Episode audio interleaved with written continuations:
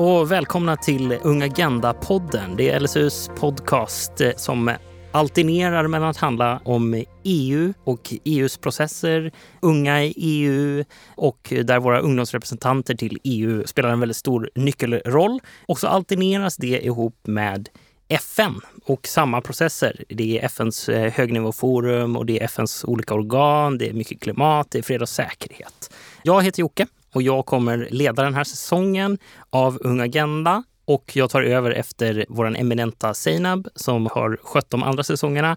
Men hon har gått vidare till nya äventyr och därför hoppar jag in och ska testa på det här med podcastandet. Vi får se hur det går. Jag är gammal radiopratare så att det kanske kommer att gå bra. Vi får se helt enkelt. Och idag kommer vi ha lite EU-fokus för att vi har helt färska representanter till EUs ungdomsdialog och våra processer inom EU. Och de har vi med oss idag. Det är Emma och Isak. Hej! Hej! Hur mår ni? Ja, men toppen skulle jag säga. Jättekul att få vara här och se vad det här samtalet tar vägen. Ja. Jag kan bara instämma med det som Isak säger. Det ska bli spännande att eh, få vara med på den. Jag har lyssnat lite på de andra avsnitten innan. tror att det kan bli jättebra. Det tror jag också. Det är intressanta och viktiga ämnen som vi pratar om, eller kommer att prata om. Men först måste vi ju ta reda på vilka är ni? Och vem är ni och vad gör ni och vad tycker ni om? Jag tänker att vi börjar med, mm, vi börjar med Emma som tyvärr inte sitter i studion med oss men är med på länk. Emma heter jag då som sagt. Fyller snart 20 år här i, på våren och kommer egentligen från Linköping. Men eh, just nu så bor jag i Haag i Nederländerna och det är därför jag sitter på, på länk och inte i studion tillsammans med de andra. Och här sitter jag väl egentligen för att jag pluggar här, en kandidat i internationella relationer. På fritiden spenderar jag mycket tid med kompisar som jag bor tillsammans med. Eh, vi gör mycket middagar och så, vilket har blivit ett återkommande tema med tanke på att vi har mycket eh, nedstängningar och lockdowns förra eh, terminen innan julen här. Och sen så har jag precis gått med i ett roddlag. Så jag kommer veva mig fram på kanalerna här runt omkring i framtiden. Men verkligen, verkligen nybörjare. Så det återstår att se vad det blir av den karriären helt enkelt. Men det låter ju sjukt spännande med rodd. Ja, men jag tänkte att du skulle testa på något nytt. Ja, gud vad nice alltså med, med rodd. Något sånt. Så här, jag har ju aldrig hållit på med sånt där. Jag försökte typ med judo ett tag när jag var liten. Det är väl den närmsta eh, idrottskarriär jag haft. Eh, kom till gult bälte och sen så gav jag upp det. Men det är kanske rodd man skulle hålla på med. Ja, men det verkar ganska härligt. Eh, jag bor också ganska liksom, utkanten av staden så man eh, ror ut längs alla betesmarker och liksom, mellan olika städer. Så det ser jag verkligen fram emot. Det låter onekligen spännande. Tack Emma! Isak, ja. vem är du? Jo, men vem är jag? Jo, men Isak Öhlund heter jag. Kommer från en liten, liten ort som heter Malmbäck på den småländska landsbygden, alltså mitt ute i skogen. Men det ligger i Nässjö kommun, så där är jag uppvuxen och startade egentligen hela mitt civilsamhälles engagemang så mycket i kyrkan som man gör där, men, men sen också inom politiken och genom SSU. Men därefter har jag eh, pluggat i Göteborg och nu för tiden bor jag i Stockholm och jobbar på Naturvårdsverket istället. Mm. Och sen så håller jag på med ja, men lite politik och sånt och nu då även EU-rep, vilket känns superspännande. 24 år gammal, håller på med bilar annars. Det är min lilla sidosyssla när jag får tid över. Blocket-scrollande blir det en del av. Och det är alltid kul faktiskt ett träsk att hänga i. Där man verkligen. snurrar bort sig rejält. Ja, en sån här livsfarlig grej också nu när det varit så digitala möten hela tiden. Vissa sitter med mobilspel och så. Jag har alltid uppe en Blocket-sida vid sidan och så kan man bara kolla vad som har kommit in det senaste. Jag är alltid 100% fokuserad. Ja, verkligen. Äh, Tror jag absolut på. Men Isak, du nämnde ju nu här om att du nu är EU-rep också. Ja. Hur, eh, hur kommer det sig att ni båda två sökte det här uppdraget och blev taggade på det? Nej men eh, jag och Emma känner ju faktiskt inte varann alls sen innan. Jag tror inte att vi har stött på varann i något sammanhang. Så eh, vi har ju faktiskt sökt det här helt individuellt. Och ja, men som sagt jag har ju mitt civilsamhällesengagemang från politiken och medlemsorganisationen SSU. Och sen så har jag sett lite olika LSU-uppdrag som har, har dykt upp då och då och tyckt att det har varit spännande. Sen så kom EUs ungdomsdialog den nionde omgången nu då som körs, där ett av fokusområdena var miljö och klimat. Och det är ju ändå min hjärtefråga. Så då kände trots jag, intresset för bilar? Trots intresset för bilar. Jag ska yeah. då säga att jag jobbar också med laddstationer okay. för elbilar på eh, Naturvårdsverket. Så att yeah. det går att ha ett bilintresse yeah. även om man tror på att eh, klimatfrågan är viktig. Bra poäng. Ja, exakt. Men eh, sen är det också jätteviktigt med kollektivtrafik, vill bara säga det. Nej, men så i och med att den frågan dök upp så tänkte jag att det här var spännande och sen så var det också några andra från min hemorganisation som eh, lyfte till styrelsen helt enkelt att de ville nominera mig. Och då sa jag att absolut, vi kör. Och nu är jag här. Och det känns jättekul, verkligen. Det är kul att, att ha dig här. Mm. Eh, och det är kul att ha dig här, Emma. Och hur hamnade du in på det här spåret att bli EU-rep eh, hela vägen från Holland? Ja, nej, men det började väl egentligen innan jag hamnade i Holland, måste jag väl ändå säga. Nej, men jag har min bakgrund i en av LSUs medlemsorganisationer som heter Elevernas riksförbund. Jag har arbetat med mycket skolpolitik. Det är en organisation som samlar massa elevorganisationer på högstadiet och på gymnasiet. Och där satt jag först som sakkunnig i elevers rättigheter. Så att när jag sökte till det här uppdraget så kände jag att den här kopplingen mellan just inkluderingsfrågorna och klimatfrågorna var det som verkligen eh, gjorde mig extra intresserad på grund av att jag gett mycket råd kring inkluderingsfrågor i skolan innan. Eh, kul att ta det steget vidare till klimatet. Det känns som att det är svårt att inte vara på något sätt engagerad i klimatet om man är civilsamhällsaktiv just nu i alla fall. Och sen så fortsatte väl det när jag sökte min utbildning och eh, tog mig ut i Europa helt enkelt. Det känns som att så fort man kommer utanför Sverige så inser man egentligen hur, hur långt bort det är från, från övriga Europa.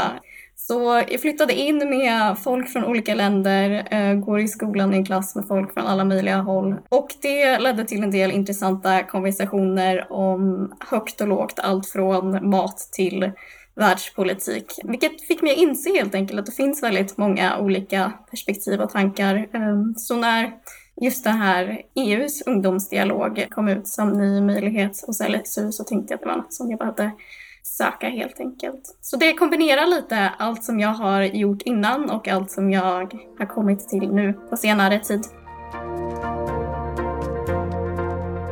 En tradition här i Unga Agenda-podden i de tidigare säsongerna har varit att fråga alla EU-reppar favoritstaden i Europa.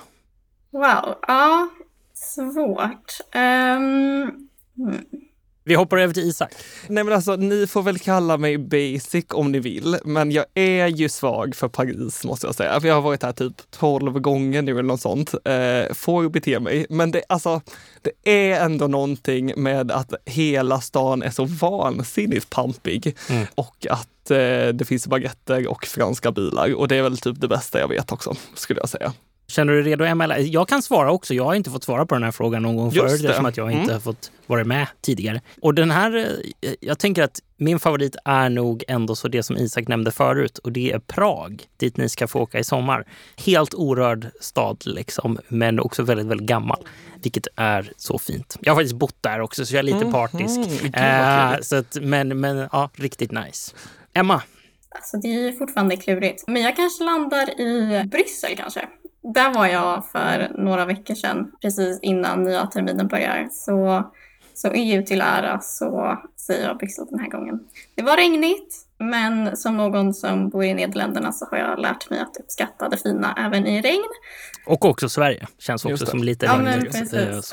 också är inte Bryssel väldigt mycket hela Europas genomsnitt tycker jag när man kommer dit. Att det känns som att om man skulle slå ihop alla Europas städer mm. och göra en stad av det så är det Bryssel. Det skulle se ut ungefär sådär. Jag har aldrig varit där, men jag kan tänka mig att det stämmer. Ja, faktiskt. Ja. faktiskt.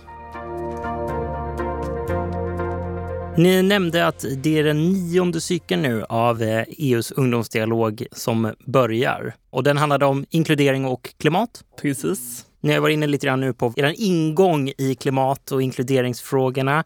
Vad är liksom det viktigaste nu som ni kommer att försöka eh, få med Och eh, hur kommer den här nionde cykeln se ut liksom för er i, i processväg?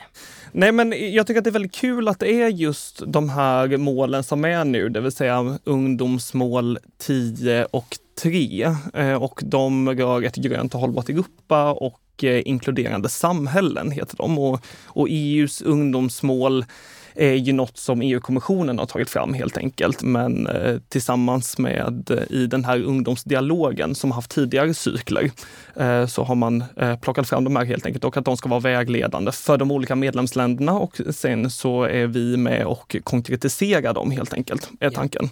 Jag tycker att det liksom landar in helt rätt i, i den dialogen som sker just nu eller i den debatten som eh, sker just nu på, på EU-nivå där vi har EUs Fit for 55 Five till exempel, eh, som är det stora klimatpaketet som kommer nu och samma sak att vi har en diskussion både i Sverige men också på EU-nivå om, om en schysst omställning och att alla ska vara med på tåget och att då är det ju särskilt viktigt att det är vi unga som också får vara med och säga vårat helt enkelt om, om hur kan man inkludera oss? Hur kan man inkludera marginaliserade eh, ungdomsgrupper och hur kan alla känna att de får vara en del av den här omställningen och inte hamna efter? För det är stora förändringar förändringar som kommer komma. Och då måste alla känna att det är till det bättre och inte att det var bättre förr helt enkelt. Det är framtidsblicken alltså. Ja. Och visst är det så att de här ungdomsmålen som ni nämnde nu också, de har tagits fram i EUs ungdomsdialog tidigare? Ja, men precis. Uh, nu minns jag inte riktigt exakt vilken cykel det var, men det var tidigare representanter som var med och tog fram dem under sin ungdomscykel. Eh, så det är ju inte bara någonting som har tagits från det stora intet, utan det är ändå de frågor som unga har kommit fram till är de viktigaste eh, just nu, de mest relevanta för den situation vi befinner oss i. Ert uppdrag nu, det håller på i ett år, två år?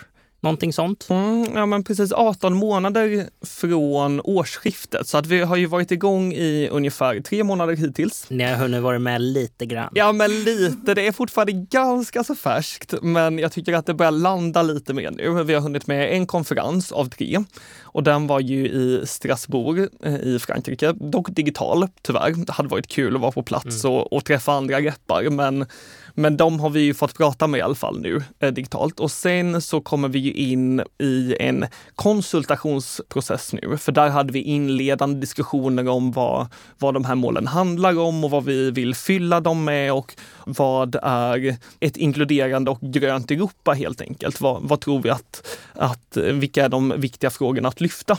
Och nu då när vi kommer in i den här konsultationsprocessen, ja men då är det ju jag och Emma som ska ut i, eh, i landet helt enkelt och, och prata med svenska ungdomar kopplat till de här målen och, och vad som är viktigt att ta med sig. Vad behöver våra politiker fatta beslut om för att, att vi ska kunna skapa det här inkluderande samhället och, och hur kan unga vara med på detta helt enkelt.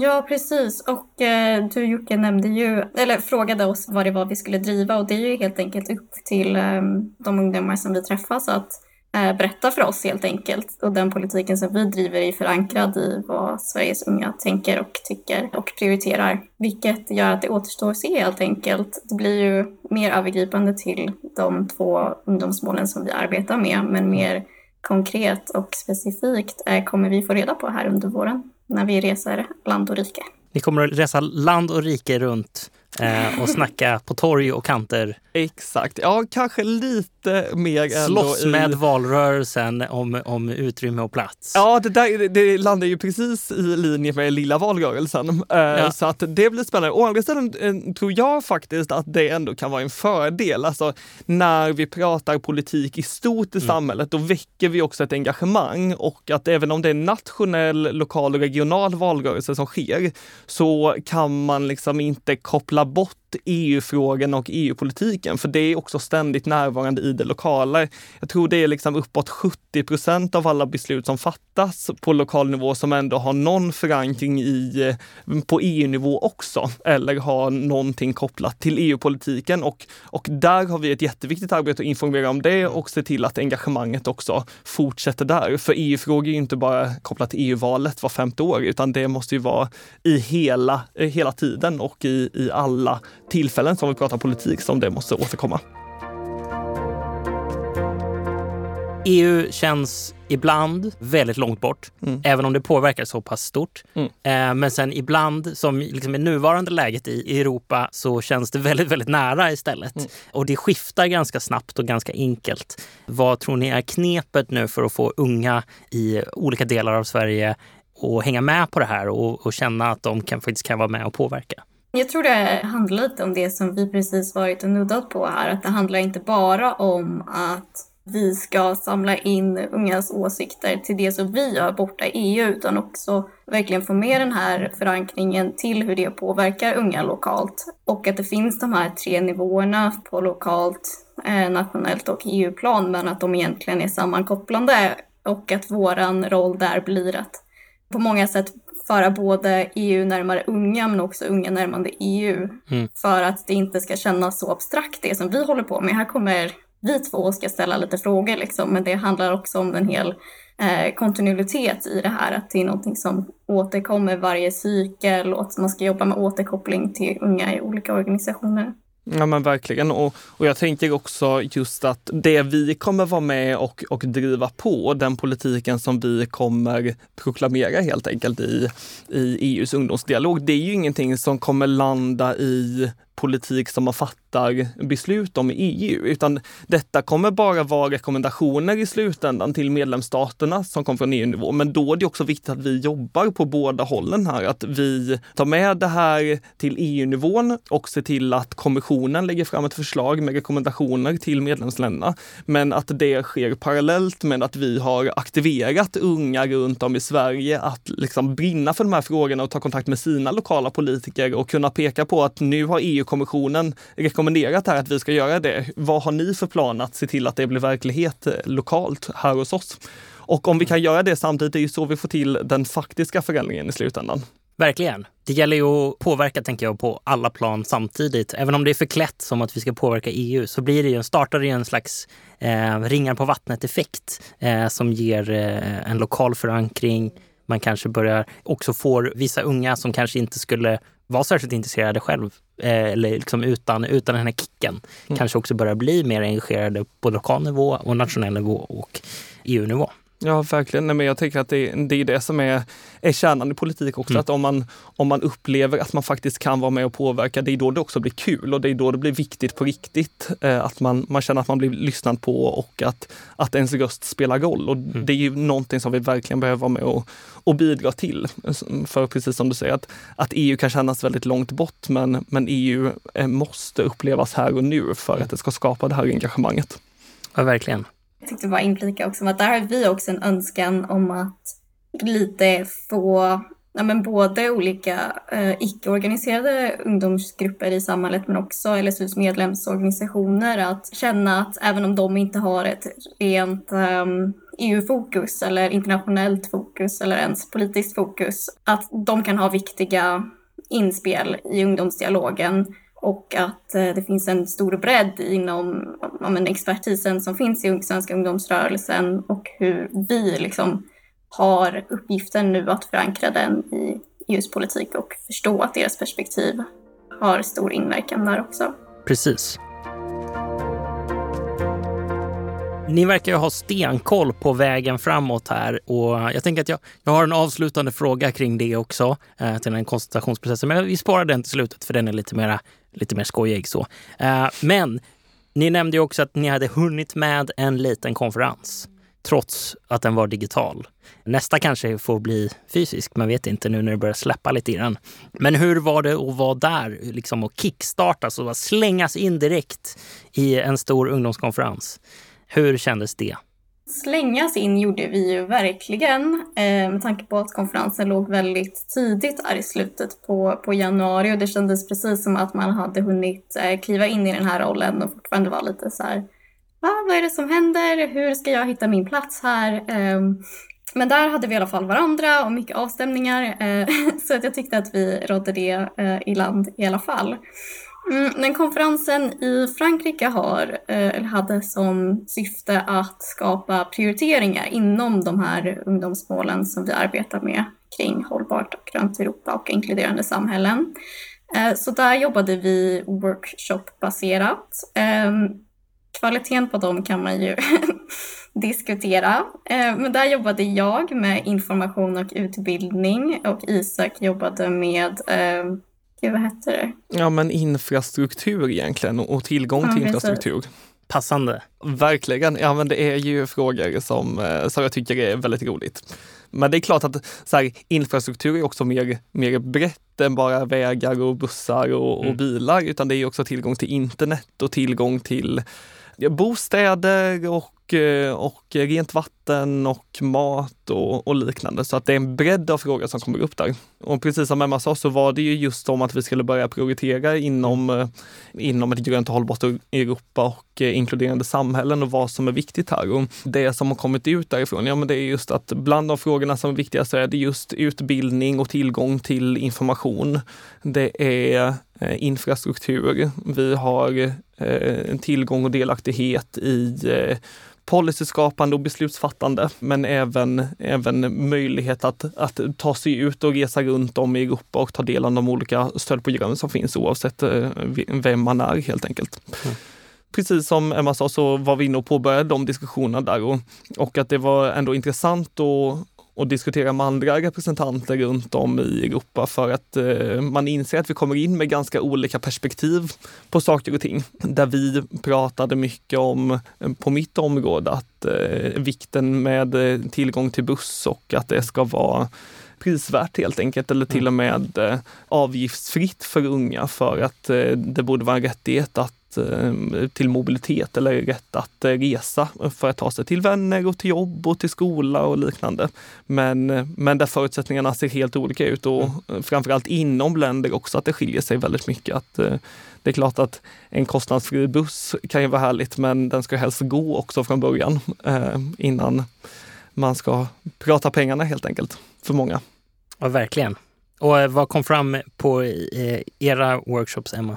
Jo, men jag instämmer verkligen i eh, det som Isak lyfter angående olika förutsättningar även i eh, min workshop.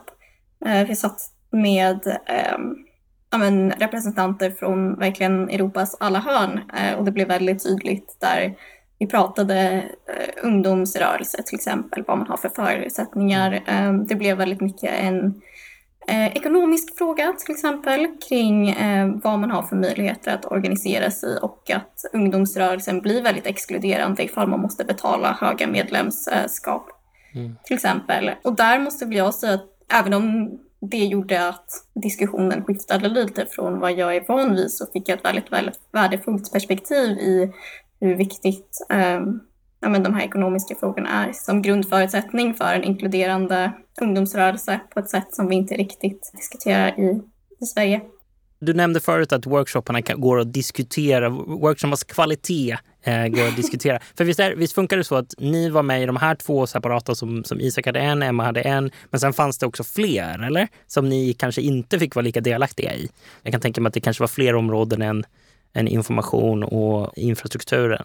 Vad kände ni ändå så liksom i, i era två workshops? Vad gjordes väldigt bra? Eller i hela konferensen i stort? Vad gjordes väldigt bra och vad kan de göra bättre? Förutom att vara fysiskt. Jag tycker att de landade bra i slutet. Jag tycker att det blev bra diskussioner, men, men det är klart att ibland kan det ju vara eh, språkbarriärer när, när vissa får prata sitt modersmål och andra inte och där det kan eh, skilja i ålder och hur långt man kommit. Det är ju ett försök till att, eh, att prata fackmannamässigt till exempel mm. på engelska som kan vara svårt för eh, ibland beroende på hur mycket man har gjort det tidigare mm. till exempel. Och att man kan komma in med olika ingångar också, olika erfarenheter. Men, men å andra sidan tycker jag också att det är det som är, är vitsen med de här också, vitsen med att alla representanter är ju också vanliga unga mm. runt om i Europa som också har olika erfarenheter och som har olika perspektiv på det. Och att då måste man inse det att det finns ett värde i att alla inte är experter på någonting. För att om alla också ska kunna vara med i omställningen, då måste mm. det också vara personer som, som inte är experter på ett område som känner att, att de här förslagen är bra och de är givande helt enkelt. Sen, sen så finns det ju stöd från kommissionen också, eh, där vi har sakkunniga på området som kommer och sen så hade vi diskussioner med, med beslutsfattare också till exempel.